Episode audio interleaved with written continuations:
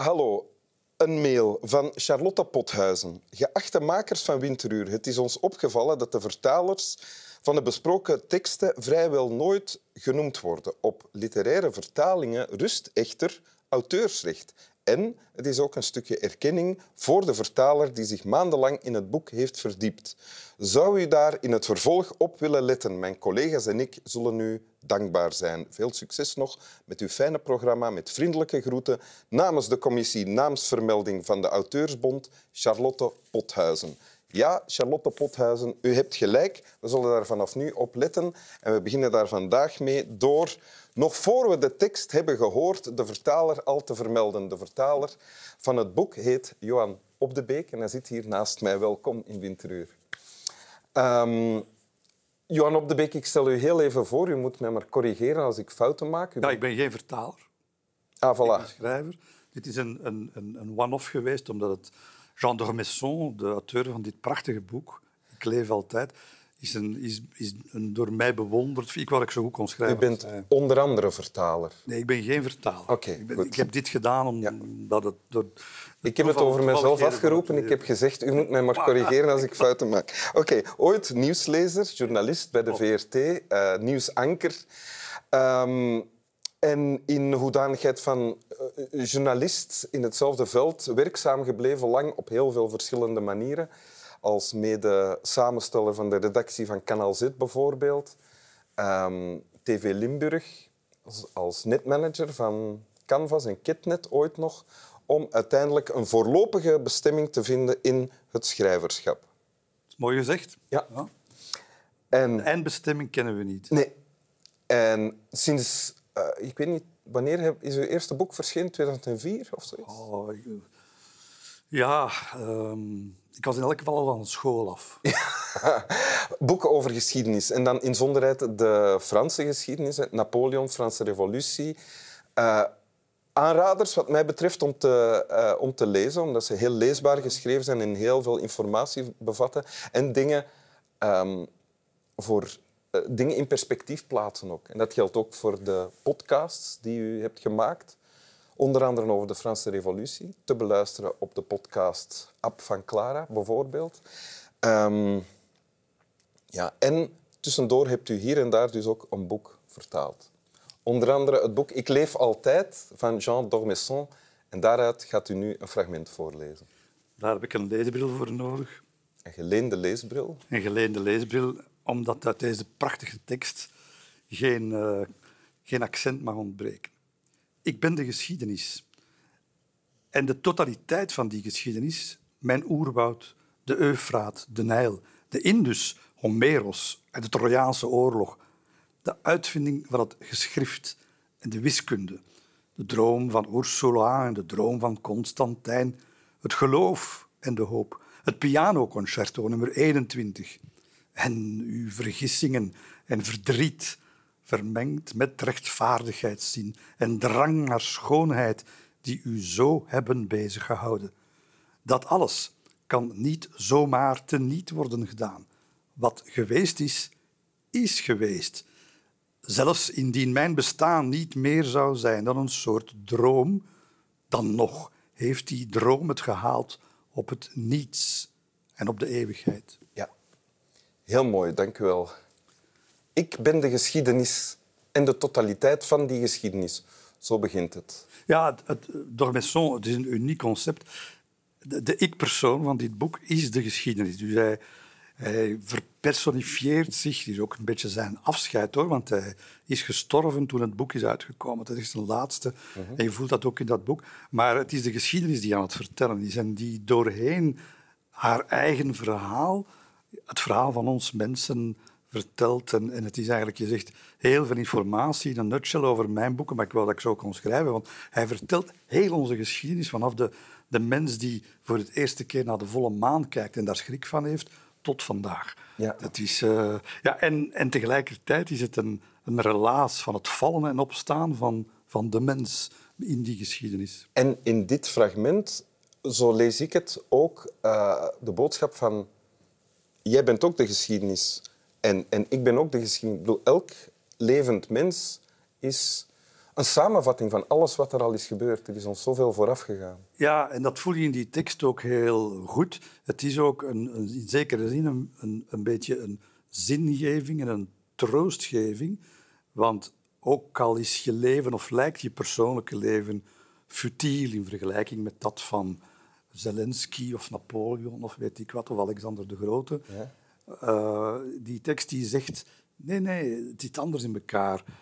Je bent een, een, een, misschien een bouwsteentje, maar zonder jou was die progressie in, het, in, het, in de menswording onmogelijk. En, en als je een, eenmaal dat realiseert, als je eenmaal bewust bent van je betekenis in niet, misschien niet in die 50, 60, 70 jaar die je hier even bent, maar in de long run, ja, dan, dan, dan kijk je een beetje anders, vind ik, naar geschiedenis, maar ook naar jezelf.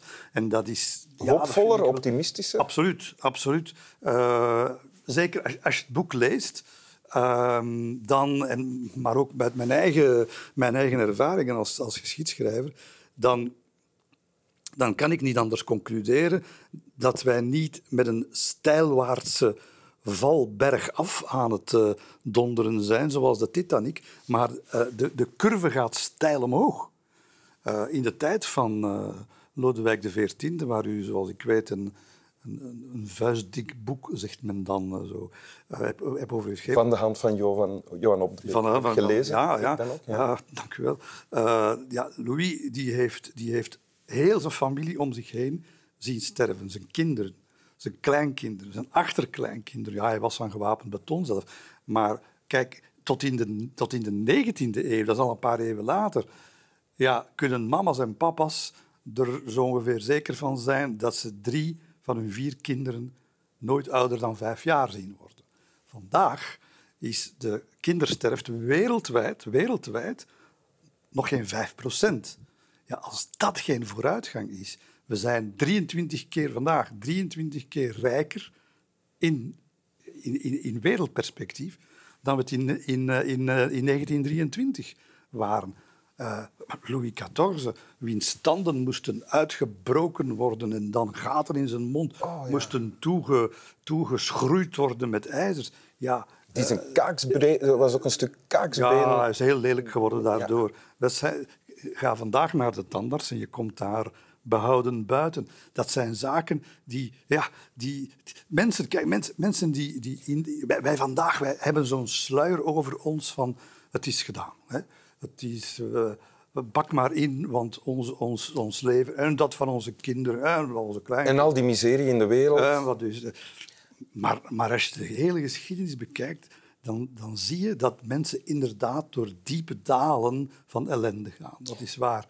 Maar er altijd uitklimmen en er beter uitkomen, veel beter, die curve, dan het ooit was. Wat denkt u dat mensen die tijdens de Franse Revolutie je hebt de podcast geluisterd, dan heb je het bloed langs de radio horen binnen, eh, langs je koptelefoon ja. horen binnencijpelen. Als je elke dag kennissen en vrienden, uh, bekenden, uh, zelfs grote revolutionairen op een kar naar de Place Vendôme ziet rijden, waar ze op, op enkele seconden tijd het leven zullen verliezen. Duizenden en nog eens duizenden. Als je de brieven leest van die tijd, uit die tijd van die mensen, dan zeggen die zetten net hetzelfde als de doemdenkers vandaag. Die zeggen, jongens, gedaan.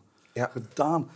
toen de Turken voor de poorten van Wenen stonden in 1600 en zoveel, slachtingen in de Balkan achter de rug, dan zijn er getuigenissen van mensen in Oostenrijk en anderen die zeggen we gaan onze kinderen, eh, ja, we gaan die zachtjes proberen te laten verdwijnen en daarna gaan we de hand aan onszelf slaan, want het is gedaan, de beschaving is ingestort, einde van het verhaal. En, en ja... En dat komt altijd terug. En, en dat komt altijd terug, maar en, en toch vinden wij de kracht, het geloof soms, in elk geval de inventiviteit en de veerkracht om beter te worden. En de cijfers bewijzen het. We worden beter. En het helpt. We worden daarbij geholpen door vertellers van de geschiedenis die dingen in perspectief plaatsen. Ja. En dat is een van de rollen die u op zich heeft genomen. Hè? Ja, ik weet nu niet of ik die... Of ik ben niet, niet zo bewust als ik het nu Die pretentie mag hebben. Uh, ik probeer in elk geval wel bijvoorbeeld, uh, om nog eens die, die vermalendijde Franse revolutie erbij te nemen en het tijdperk Napoleon, Ja, wij vinden het vandaag de dag, vinden wij, uh, in het algemeen gesproken, maar zeker jonge mensen ook, het heel vanzelfsprekend dat wij, dat wij rechten hebben. Dat wij vrijheden hebben, zoals bijvoorbeeld de vrijheid om je gedachten te zeggen, om niet akkoord te gaan, om kritiek te hebben. Ja, maar dat is geen vanzelfsprekendheid. Dat is absoluut geen vanzelfsprekendheid. Die bestaat 200 jaar in de geschiedenis en die kan ons zo worden afgenomen. Je moet je tv maar openzetten. In het Rusland van meneer Poetin bestaat dat niet. Een miljard Chinezen heeft dat niet. Ja, en als je ziet van waar dat komt, ja, dat komt wel van hier allemaal. Dat, en, en we hadden dat niet. We hebben daar generaties over gedaan, waar mensen... Ik weet niet hoe dat bij u thuis is, hè, maar bij ons thuis zitten wij naar tv te kijken, naar al die herrie. En dan zeg je van, het is toch nogal iets, het is toch nogal een schandaal, zegt de ene. En de andere zegt, ja, maar wat willen er dan doen? Zeggen ze dat bij u thuis soms niet? Ja, al die dingen zijn tegelijkertijd door elkaar aanwezig. Maar je, je hebt een gevoel van... Ja. Maar dat, dat is natuurlijk niet zo. Dat zijn momentopnames, dat is blikvernauwing. Als je dat ruimer bekijkt, dan zie je dat wij als mensen moreel beter worden. Kijk die hond hier liggen. Er zijn tijden geweest, veel langer dan dat het nu is, dat dieren als deze, dat, dat, dat daar geen enkel mededogen voor was. Dat die dieren verschopt werden, gemarteld werden. Vandaag de dag moet je het maar proberen. Ja, hoorde dat zeg. ik zeg dat tegen mijn hond ook al. Je moest eens weten hoe het vroeger hoe, hoe verwend. Hoe verwend hij is. maar kijk, dat zijn allemaal zaken die, bewijst, die bewijzen dat wij als mensen leren uit onze fouten en ja, we zullen er nog vele maken. We maken er nog alle dagen. Maar we, we, gaan het halen. Meneer Op de Beek, punt gemaakt. Dank u wel. Wilt u de tekst nog eens voorlezen? Als ik hem zo meteen terugvind en dat brilletje op mijn hoofd krijg, dan zal ik u zeggen, ik ben de geschiedenis. En de totaliteit van die geschiedenis, mijn oerwoud, de Eufraat, de Nijl, de Indus, Homeros, en de Trojaanse oorlog, de uitvinding van het geschrift en de wiskunde, de droom van Ursula en de droom van Constantijn, het geloof en de hoop, het pianoconcerto nummer 21 en uw vergissingen en verdriet, vermengd met rechtvaardigheidszin en drang naar schoonheid die u zo hebben beziggehouden. Dat alles kan niet zomaar teniet worden gedaan. Wat geweest is, is geweest. Zelfs indien mijn bestaan niet meer zou zijn dan een soort droom, dan nog heeft die droom het gehaald op het niets en de eeuwigheid. Dank u. Slaap wel.